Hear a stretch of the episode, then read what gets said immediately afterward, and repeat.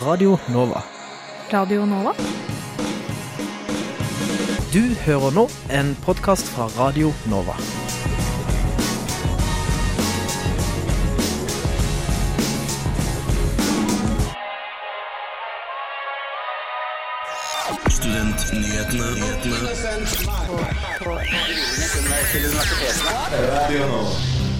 Hei og velkommen til Studentnyhetene. Og hei til deg, Kristina. Hei, Are. Vikenkampen står for tur. NSO-lederen kommer til oss for å snakke om den nye handlingsplanen. Vi har snakket med tidligere leder i Zimbabwes studentorganisasjon SNASU om kvinnelige studenters situasjon i landet. Tidligere denne uka var det debatt i Trondheim mellom lederkandidater til NSO. Og i den forbindelse skal vi gi deg en kort innføring i hvem disse er. Og vår faste spalte, Studentpolitikermøte, skjer selvfølgelig mot slutten av sendingen.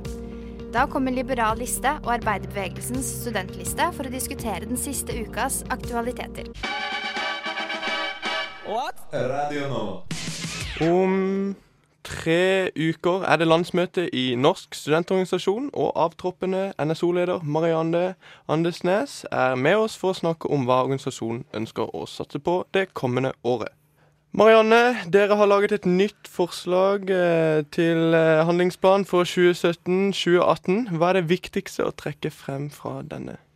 Ja, først må jeg si tusen takk for invitasjonen til å komme hit. Eh, Det er alltid hyggelig. Og nå som det er et nytt landsmøte og en ny handlingsplan skal vedtas, så er det kanskje noe som er veldig spesielt for i år, og det er jo at det er stortingsvalg. Og det preger også handlingsplanen. For oss så har det vært viktig at eh, studentene én skal bruke stemmeretten sin eh, i valget, eh, men også at høyere utdanning skal være en av hovedsakene i valgkampen. Og så blir det jo viktig at når selve valget er ferdig, så skal det jo lages en ny regjeringsplattform. Og der må jo studentsakene være med. Og i den perioden vi har vært i nå, så har det vært viktig for oss å kunne f.eks. påvirke stortingsprogrammene til de ulike partiene. De har jo også landsmøte nå utover våren. For det vil på en måte være en viktig byggestein for at vi skal kunne få vår politikk inn i fremtidig regjeringsplattform, uavhengig av hvem som vinner valget, da. Så det er helt klart valg som på en måte er det nye, og det som preger eh, handlingsplanen i år. Ja, Og eh, dere har også en ny plattform om eh, internasjonalisering, stemmer ikke det? Jo, det stemmer. Eh, der eh, dere foreslår at utveksling skal være hovedregel, ikke um, unntaket. Hva ligger i det? Jo, eh, det sentralstyret har foreslått, er at utveksling skal være opt-out. Og det innebærer betyr rett og slett at det er utveksling som på en måte skal være grunnregelen, og det er det som skal ligge i et studieprogram. Så det handler ikke om at det skal være sånn tvang at alle skal på utveksling, men det handler om at vi ønsker å ha en kulturendring hvor institusjonene legger til rette i studieprogrammene for at man skal kunne dra på utveksling. I dag kan det f.eks. være utfordrende fordi det ikke ligger noen frie studiepoeng i studieplanen. Eh, Det ligger mye på studentene selv å gjøre på en måte det byråkratiske arbeidet med å få på plass eh, og få plass på en institusjon i utlandet. Så vi ønsker at det blir med en kultur for at det er lagt til rette, sånn at det skal være enkelt å dra på utveksling. Hvordan gjør man det i praksis? Eh, og vil det eventuelt få noen følger for de som ikke ønsker å dra på utveksling? Vil det være vanskeligere å Det vi ser for oss, at dette kan jo gjøres på ulike måter. Men f.eks. i Studentweb, da, hvor man har eh, studieprogrammet sitt, så, så vil vi gjerne at det skal ligge inne i studieplanen eh, at man skal dra på utveksling. Og hvis man av en eller annen grunn ikke ønsker det, så skal man heller da søke seg vekk fra det. OK. Eh, hvordan skal dere styrke standpunktet som dere har f.eks. på gratis utdanning til alle? Mm. Eh, lik rett til utdanning er grunnprinsippet til NSO, men vi ser at det, det blir stadig utfordra. Eh, F.eks. nå så har både Senterpartiet og Høyre sin programkomité de har foreslått skolepenger for internasjonale studenter. Og alle trender fra andre land viser at det er veldig kort vei fra når du innfører skolepenger for internasjonale studenter, til at det blir skolepenger for alle. Så nå så jobber vi knallhardt opp mot fylkespartiene til Senterpartiet. Veldig mange av dem har allerede sagt nei til skolepenger. Eh, Men vi har fortsatt eh, denne helgen igjen, hvor det er to eh, fylkesårsmøter i Senterpartiet. Så de jobber vi knallhardt opp mot. Og så er det også da Høyre som har sitt landsmøte neste helg, hvor det blir kjempeviktig for oss å prøve å få dem til å vedta at de skal beholde gratisprinsippet. Kan du si litt hvordan NSO vil eh, jobbe fremover for å sikre kvalitet i utdanninga? Ja. Litt konkret. Eh, nå, dette her har jo vært et litt sånn spesielt år eh, for kvalitet i utdanning, med at regjeringen nylig la fra seg stortingsmeldingen 'Kultur for kvalitet'. Mm. Eh, det er en kjempeseier eh, for studentene at den stortingsmeldingen har kommet. Men nå blir det jo viktig at vi eh, frem mot den faktiske stortingsbehandlingen påvirker kirkeutdanning og forskningskomiteen og de politikerne som sitter der, sånn at vi f.eks. får inn et krav om at det skal være studentombud for alle studenter. At alle studenter skal ha en faglig mentor. Dette er sånne enkeltsaker vi ønsker å få inn i selve meldinga. Og så kommer vi til å pushe sammen med våre medlemslag, studentdemokratiene rundt om i landet, at utdanningsinstitusjonene faktisk implementerer de gode tiltakene fra kvalitetsmeldingen. Og det, det er det bare å ønske lykke til. Tusen takk for at du var i studio, Marianne Annesnes. Eh, landsmøtet tar plass i Tønsberg 24. til 26. mars. What? Radio nå. Valeri Chidakwa er tidligere internasjonal leder i Sinasu, som er Zimbabwes studentorganisasjon, og hun jobber nå i Studentenes og Akademikernes internasjonale hjelpfond her i Oslo.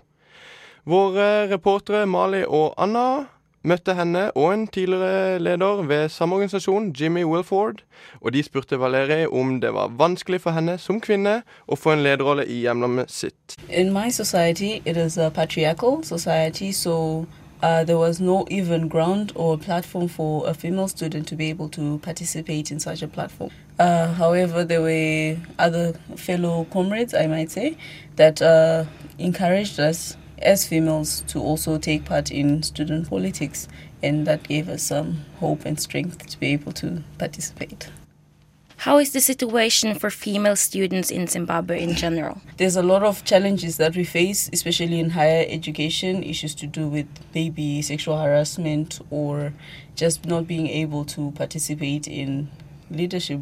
Jimmy Wilford har også vært leder i Sinasu. Nå er han leder i Say What, en organisasjon som jobber for reproduktive rettigheter for studenter og ungdom. Uh, what happens if you get pregnant when you're a female student? We are giving a lot of information to the young women so they should make a, an informed decision and we also encourage them that falling pregnant is not the end of the world you can still go have your baby come back and start learning again is abortion legal in zimbabwe abortion is only allowed under very limited circumstances for instance, for one to go through an, a, a, what can be termed illegal abortion as a result of uh, rape, and also maybe if the baby uh, proves that it can be a danger to the mother, but the process is quite cumbersome. It's very difficult for them to access uh, uh, abortion services. Jimmy jobber både med å styrke kvinnene i troen på seg selv, og også med å få mennene til å verdsette kvinner mer enn det som har vært vanlig tidligere. Vold og overgrep har vært et av problemene han har tatt tak i. Uh, I think it's important for young men to treat young women as equal partners. There is no need for young men to be given any privileges. They are supposed to know from young age that when they see a young woman, they are seeing a human being who is equal to anybody else within the society. If we are to ensure that uh, we have got uh, total empowerment for young women, there is need to also involve uh, the young men so that it becomes a shared responsibility so that they also collectively desist from being uh, agents of uh, violence to young to, to, young women so that they can help the young women to realize their value within society. 50% of the executive should be should be young women. We ensure that we give equal opportunity to young men and young women to provide leadership and to go through skills training so that they're going to be able to know their rights Back home in Zimbabwe, do you celebrate the 8th of March? Yes, uh, we celebrate the International Women's Day. We maybe host events or we have a workshop for female students and also invite the male students because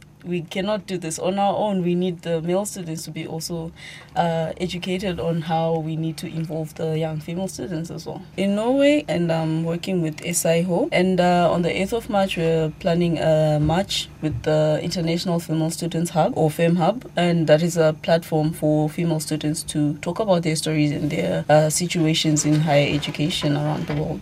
Reportere var Mali og Anna. Her fikk vi høre tidligere leder av Zimbabwes studentorganisasjon, Sinasu, Valerie Shidakwa og Jimmy Wilford.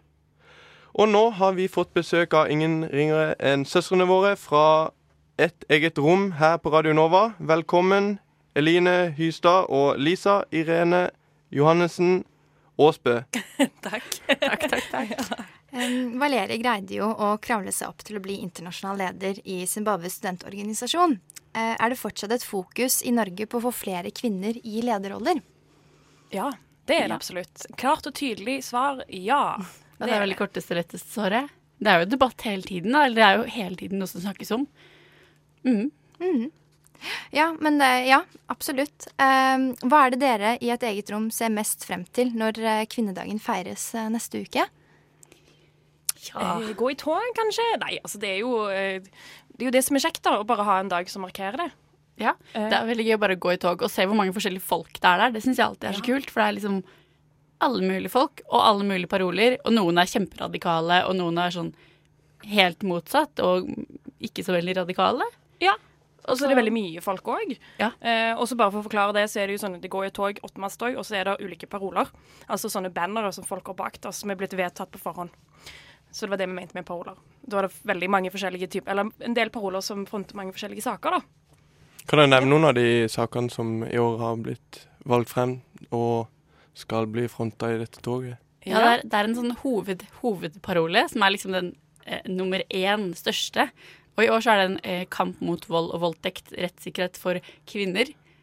Mye i sånn kjølvannet av den der Andrea-saken, eller Hemsedal-saken. Som det kalles. Mm. Um, altså både i forhold til voldtekt og vold, da. Og straff i forhold til voldtekt og vold. Mm. Mm, Veldig viktig. Og ellers er det 20 sånn underparoler til, som egentlig bare spriker imot alle mulige retninger, både i forhold til liksom arbeidslivet og styrke lønninger, eller minoritetskvinner, eller eh, eksempel seks timers arbeidsdag. Det er jo noe man kjemper, kjemper for nå. Mm. mm. Og man har jo et stort spenn da, fra liksom la fitta flagre fritt, eh, nei til kosmetisk enzymkirurgi, til opp med kvinnelønna nå. Det er jo ganske forskjellig. Ja. Så jeg vil tro kanskje den delen av fitta flagrer fri- fritt, bla, bla, bla, den eh, kommer sikkert til å ha en del folk bak seg, bak seg eh, med tanke på den eh, dokumentaren innafor. Og Ja, det er jo det- litt i vinden akkurat nå, da. Ja, for det er litt sånn nytt. Det, det har ikke vært så mye snakk om tidligere, tror jeg. Ja, alltid vært litt, på en måte. Det har kommet de siste årene med alle disse bloggerne, mm, tror jeg. Eh, Men eh, nå på en måte er det, har du virkelig nådd den offentlige debatten, da. Føler jeg sjøl, iallfall. Det er jo mange av de parolene også som er sånn type at de liksom slår inn i ting som skjer. Det er mange av de som er veldig sånn aktuelle, sånn i forhold til FN for eksempel, som har fokus på det her nå og sånt. Mm, Spennende. Det blir gøy. Ja, det blir gøy. Vi oppfordrer våre lyttere til å gå inn og se hvilke paroler de kommer til å ja, støtte opp om og møte opp i under eh, toget. Vi takker for at dere kunne komme, Eline Hystad og Lisa Irene Johansen Aasbø. Begge fra et eget rom som eh, kan høres på mandager klokka ti her på Radio Nova. Radio Nova. Mandag var det altså duket for debatt i Trondheim mellom de som så langt har stilt som lederkandidater til NSO. De tre det gjelder, er alle rutinerte og erfarne, med engasjement på sine respektive universiteter. Vår reporter Mathea gir deg nå et lite innblikk i hvem det er som kjemper mot hverandre for å bli Norges mektigste student. Mandag kveld i Trondheim møttes Norsk studentorganisasjons lederkandidater for første gang til debatt mot hverandre i regi av NTNUs studentting. De tre aktuelle så langt er Mats Beldo fra UiT, Pål Adrian Ryen fra NMBU og Christian Paulsen fra UiO. Ingen kvinner har stilt til ledervalget så langt. Studenttingets leder Marte Øyen sa til Krono at hun ønsket å høre deres syn på politisk strategi versus intern jobbing med medlemslagene. Hun legger til at hun tror de tre kandidatene er svært jevne. Hans Christian Paulsen er leder for studentparlamentet ved UiO. Han har lang fartstid som leder og har tidligere vært studentleder ved SV-fakultetet, lede et nestleder i studentparlamentet og leder for Liberal liste. um, i både lokale, regionale og nasjonale medier. Han beskriver seg selv som en mer sentrumsorientert mann hva gjelder politikk, i motsetning til det man kanskje ellers assosierer med den typiske Blindern-studenten. Mats Johansen Beldo er for øyeblikket sentralstyremedlem i NSO. Han har uttalt at noe som er svært viktig for ham, er å skape mer studentpolitisk engasjement, samt mer lokalt engasjement. Og med meg som leder av NSO, da man vil få en samla studentbevegelse, en studentbevegelse med slagkraft, en som skal aktivt sette agendaen for eh, både stortingsvalget og en regjeringserklæring som kommer etterpå. Han ønsker ikke en topptung organisasjon, skriver han til Universitas. Pål Adrian Ryen er nestleder i NSOs arbeidsutvalg. Jeg vil jobbe brennhardt for at vi skal ha lik rett til utdanning i Norge, sånn at alle som ønsker det, skal ha mulighet til å ta utdanning uavhengig av bakgrunn eller sosiale vilkår. I sitt lesebrev til Universitas trekker han frem mye av det samme som Beldo hva gjelder det å skape en samlet studentbevegelse med stor påvirkningskraft. Felles for alle kandidatene er solid ledererfaring samt sterkt studentpolitisk engasjement. Fristen for å stille til valg går ut i dag, fredag 3. mars. Og neste lederdebatt vil finne sted på et av NSOs regionale formøter 11. mars. Der hørte du Mathea med en kort oppsummering av hva som skjer rundt NSO-ledervalget. Radio nå. Onsdag ble det bestemt at huskomiteen avslutter utredningen og flytteprosessen mot St. Olavs gate 32. 140 medlemmer var til stede på møtet da dette ble avgjort, og det var en lang og til tider opphedet debatt. Vote remain. Da har vi kommet til saken som jeg antar de fleste av dere er her for. Hvorfor må vi ta denne beslutningen nå? Fristasjon. Fristasjon. Skal du ha 9000 kvadratmeter et annet sted og betale for det sjøl? Enn om noen andre gjør det. For det tredje er det altfor tidlig å friskmelde organisasjonens økonomi. Er, vi stemmer ikke sånn nå på om vi skal bli på Chateau Neuf for evig og alltid og aldri flytte noe sted. Vi stemmer på om vi vil begynne en eh, prosess med eventuell flytting på en helt annen måte. Det er ingen sammenheng fra deres side mellom eh, flytting og drift og vedlikehold. Dette handler om helt andre forhold. Vi får fortsatt penger til vedlikehold og drift. At dere går og spør universitetet om noe annet, og at vi sier at vi ikke får penger, syns jeg faktisk er litt kritikkverdig her. Denne prosessen er ikke verdt støyen og usikkerheten. For vi er egentlig alle for Chateau Neuf, eh, men ikke la den alternative stien som ligger ved siden av, gro igjen. Ok, Det er eh, levert eh, 142 stemmer, eh, og det blir vedtatt at arbeidet skal avsluttes.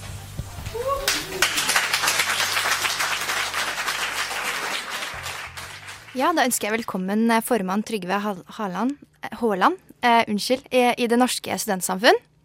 Takk. Eh, velkommen. Eh, kan du fortelle litt om hva som skjedde på onsdag? Eh, På onsdag hadde vi medlemsmøte, eh, hvor vi da valgte å avslutte prosessen mot eh, St. Olavs gate 32. eh, Og legge ned huskomiteen som skulle jobbe aktivt for St. Olavs gate 32. Ja. Hva tenker du om hvordan det ble på møtet? Jeg er veldig fornøyd med at medlemsmøtet også kunne se de eh, grunnene til at vi ønska å legge ned huskomiteen for St. Olavs gate 32. Um, jeg tror at um, det var flere som også så uegnetheten til det bygget, uh, slik vi så det, og at det, de ikke ville være et egentlig var et reelt alternativ til uh, dagens tilbud. Markus Pettersen Irgenes fra Liberaliste. Vi har latt deg komme litt tidligere inn i dag fordi du ikke er enig i hva medlemsmassen kom frem til. Kan du fortelle? Ja, eh, jeg eh, står vel på med den gjengen som mente at det var eh, for tidlig å avslutte prosessen. Eh, fordi at huskomiteen ikke hadde kommet til en konklusjon. De hadde ikke blitt ferdig utrede hvordan bygget kunne og skulle brukes. Eh, og, så, og fordi jeg mener at Chateauneuf og DNS trenger å flytte nærmere sentrum. Det har studentene gitt tydelig uttrykk for gjennom både SIO sine medlemsundersøkelser og ved hvordan dette bygget her på Majorstuen brukes. Eh, og Da syns vi det er trist at man uh, avslutter utredningen før man egentlig vet hva man kunne fått. Hva mener du med at studentene trenger å flytte nærmere sentrum? Det har jo vært gjort flere undersøkelser som viser at studentene ønsker seg et studenthus i sentrum. Uh, og så er det vel ingen hemmelighet at det er ikke stappfullt her så veldig ofte. Det er vel stort sett ved semesterstart og andre veldig store arrangementer. Og det bildet vi har, i hvert fall, sier at studentene ønsker seg et, et mer sentrumsnært studenthus. Litt sånn som man har i Trondheim og Bergen. Mm. Har du noen kommentar til det, Trygve Haaland? Eh, Det er vel ikke SIO sine eh, brukerundersøkelser, men eh, TNS Gallup sin eh, campus, eh, campusundersøkelse som påsto, eller som iallfall fant ut at de studentene som ble spurt, ønska et nytt studenthus eh, i sentrum eh, med dagens tilbud. Dagens tilbud kunne vi ikke få til i St. Olavs gate 32. Nei, på hvilke områder vil eh, tilbudet bli svekka? Eh, vi ville mista ganske mange av eh, det, eller vi ville mista det mangfoldige arrangementslokalene eh, tilbudet vi har. Mm. Som er også grunnen til at vi er et interessant sted for utdanningsinstitusjonene og studentene. Det er ikke snakk Det er ikke vi skal ikke ha storsalen eller betong eller alle lokaler i bruk hver eneste dag, men de skal være tilgjengelige for studentarrangører, slik at de faktisk kan bruke dette som det verkstedet som det er tiltenkt å være siden 1970. Det som er i hvert fall helt sikkert, er at selv om St. Olavs gate 32 er ute av bildet, så forsvinner ikke flyttedebatten. Takk for at du kom, Trygve Haaland, formann i Det norske studentsamfunn. Radio nå. Markus Pettersen Irgenes fra Liberaliste er med oss videre, som sagt. Og i tillegg til eh, Markus så har vi fått besøk av Marius Frans Linus Hilsted fra Arbeiderbevegelsens studentliste, tidligere kjent som Sosialdemokratene. Eh, de, møte, de møtes nå atter en gang i studentpolitikermøte. Dere entret navn. A-lista, Hillestad. Ny start. Ja. Ble omtalt som Hillerud her om dagen i Universitas, så er ikke bare en liste som endrer navn. Nei. Uh, nå som det Nå som det er fare for at det blir for få eh, toksiologistudenter, hva syns dere universitetet eh, bør gjøre for å unngå en eventuelt krise her? Det er jo, eh, det er jo Vi hos liberalister i hvert fall synes at eh, altså Det er jo trist når samfunnsviktige utdanninger eh, forsvinner eller blir upopulære. Eh, men det er, jo, det er jo en sånn vanskelig sak. Man kan ikke tvinge folk til å studere noe. Eh, så det åpenbare svaret blir at man må drive med bedre promotering og være flinkere til å sørge for at studentene oppdager studiet. Og så må man være flinke til å sørge for at det fremstår som et attraktivt yrke å gå ut i. da.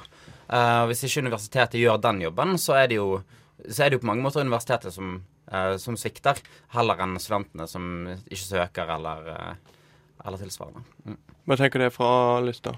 Uh, tenker egentlig det samme. Altså, jeg hadde ikke, egentlig ikke hørt om humantoksikologi før denne uka.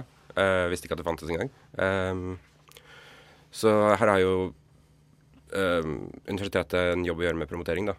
At uh, Gjør det mer synlig, få folk til å faktisk bry seg om giftige stoffer for menneskene. Eh, I Universitas så har det kommet eh, flere saker som peker på SIOs veldig stive forhold til eh, depositum. Og jusprofessor Kåre Lilleholt sier at praksisen deres er i strid med loven, faktisk. Hvordan forholder dere dere til dette, og hvorfor har det ikke blitt gjort noe med det før? Hillestad?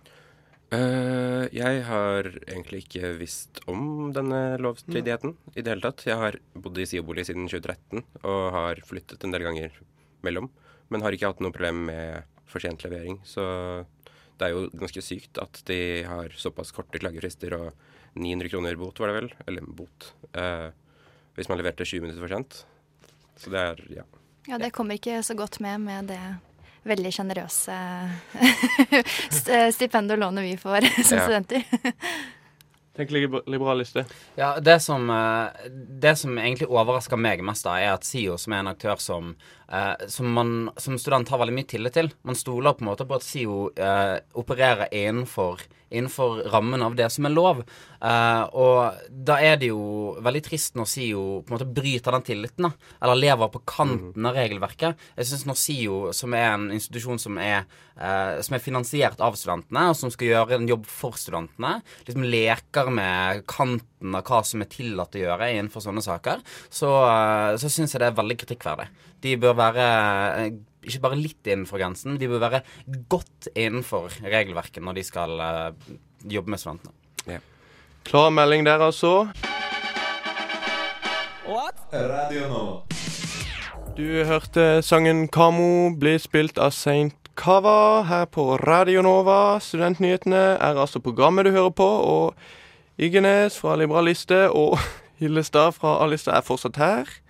Nå skal det handle om vedtaket fra Velferdstinget om at SIO skal sjekke muligheten for at middagsprisene ved SIO-kantiner i eksamenstiden kan bli halvert. Dette kjemper dere i A-lista igjennom. Fortell hvorfor. Eh, det vi ser, er at i slutten av semesteret, altså i eksamenstiden, så er studenter mye mer på lesesalen og på campus. Og de blir ofte mye lengre dager, og da er det fint å faktisk ha råd til å kjøpe middag kanti i kantina, da, så du slipper å dra hjem, spise en rusen brødskive og så dra tilbake igjen, eller altså, ja, lignende. da. At du kan holde deg på lesesalen og holde eh, konsentrasjonen oppe. Og så har vi også samtidig sett at dette er noe de har fått til i Bergen, hvor de har eh, halvannen uke ca. Eh, med halv pris på eh, dagens middag. Eh, og dette er noe vi mener at vi bør kunne få til i Oslo også. Men hvis jeg snakker om å ha råd til å ta seg en lunsj, da er det ikke bedre at studentene på en måte blir oppfordra til å ta med egen mat, og sånn sett vil spare mer penger på det, vil jeg tro? Eh, jo, men altså muligheten for å kjøpe en grei middag som ikke er kald, da, eh, syns vi er en god idé. Ja. Eh, hva tenker dere i Liberaliste? Det er jo uh, Jeg, jeg syns jo det er et godt forslag å, at det skal, være, det skal gå an å spise mat på Blindern. Det er jo eh, Man trenger ikke være en ernæringsekspert for å på en måte si at å spise en, en god, varm lunsj eh, hjelper på motivasjon og konsentrasjon. Eh, det jeg syns er litt rart, er at det skal være billig å spise på Blindern bare et par uker i året. Hadde det vært, hadde det vært opp til meg, hadde det vært opp til oss, så hadde det vært billig å spise på Blindern hele året. Eh, det betyr ikke nødvendigvis at man skal senke prisen på alt som eksisterer i SIO-kantinene, men det er jo sånn at du skal ha ganske Du skal ha deltidsjobb for å ha råd til å spise på SIO-kantine mer enn eh, en gang i uken. Så eh, en ordning hvor det generelt sett blir billigere å spise, på, spise mat på Blindern, tror jeg vi kunne vært med å samarbeide om. Ja, altså det vil jo være det langsiktige målet, at alle skal ha råd til å spise mat på campus. Men eh, eh, vi tenker at det kan være fint med en slags At man starter da, der hvor det er mest studenter på campus, som er da på slutten av semesteret. Men hvis man da skal se for seg en litt mer sånn eh, utvida ordning da, enn denne eksamensperioden, vil, vil dere være enige begge to i at det er riktig prioritering av pengene våre? Ja. Vi betaler jo penger til SIO for at de skal levere oss et tilbud. Vi betaler jo hundrevis av kroner hver i starten av semesteret. Eh, og så er jo så, så klart mye av de pengene går til foreninger, det går til Radionova, det går til, eh, det går til Chateau Neuf og studentidretten, men en, det er jo ikke urimelig å mene at litt av det skal komme tilbake til de tingene som de aller, aller fleste studentene bruker, sånn som SIO-kantinene f.eks. Mm. Og det er, jo, det er jo ikke fryktelig billig.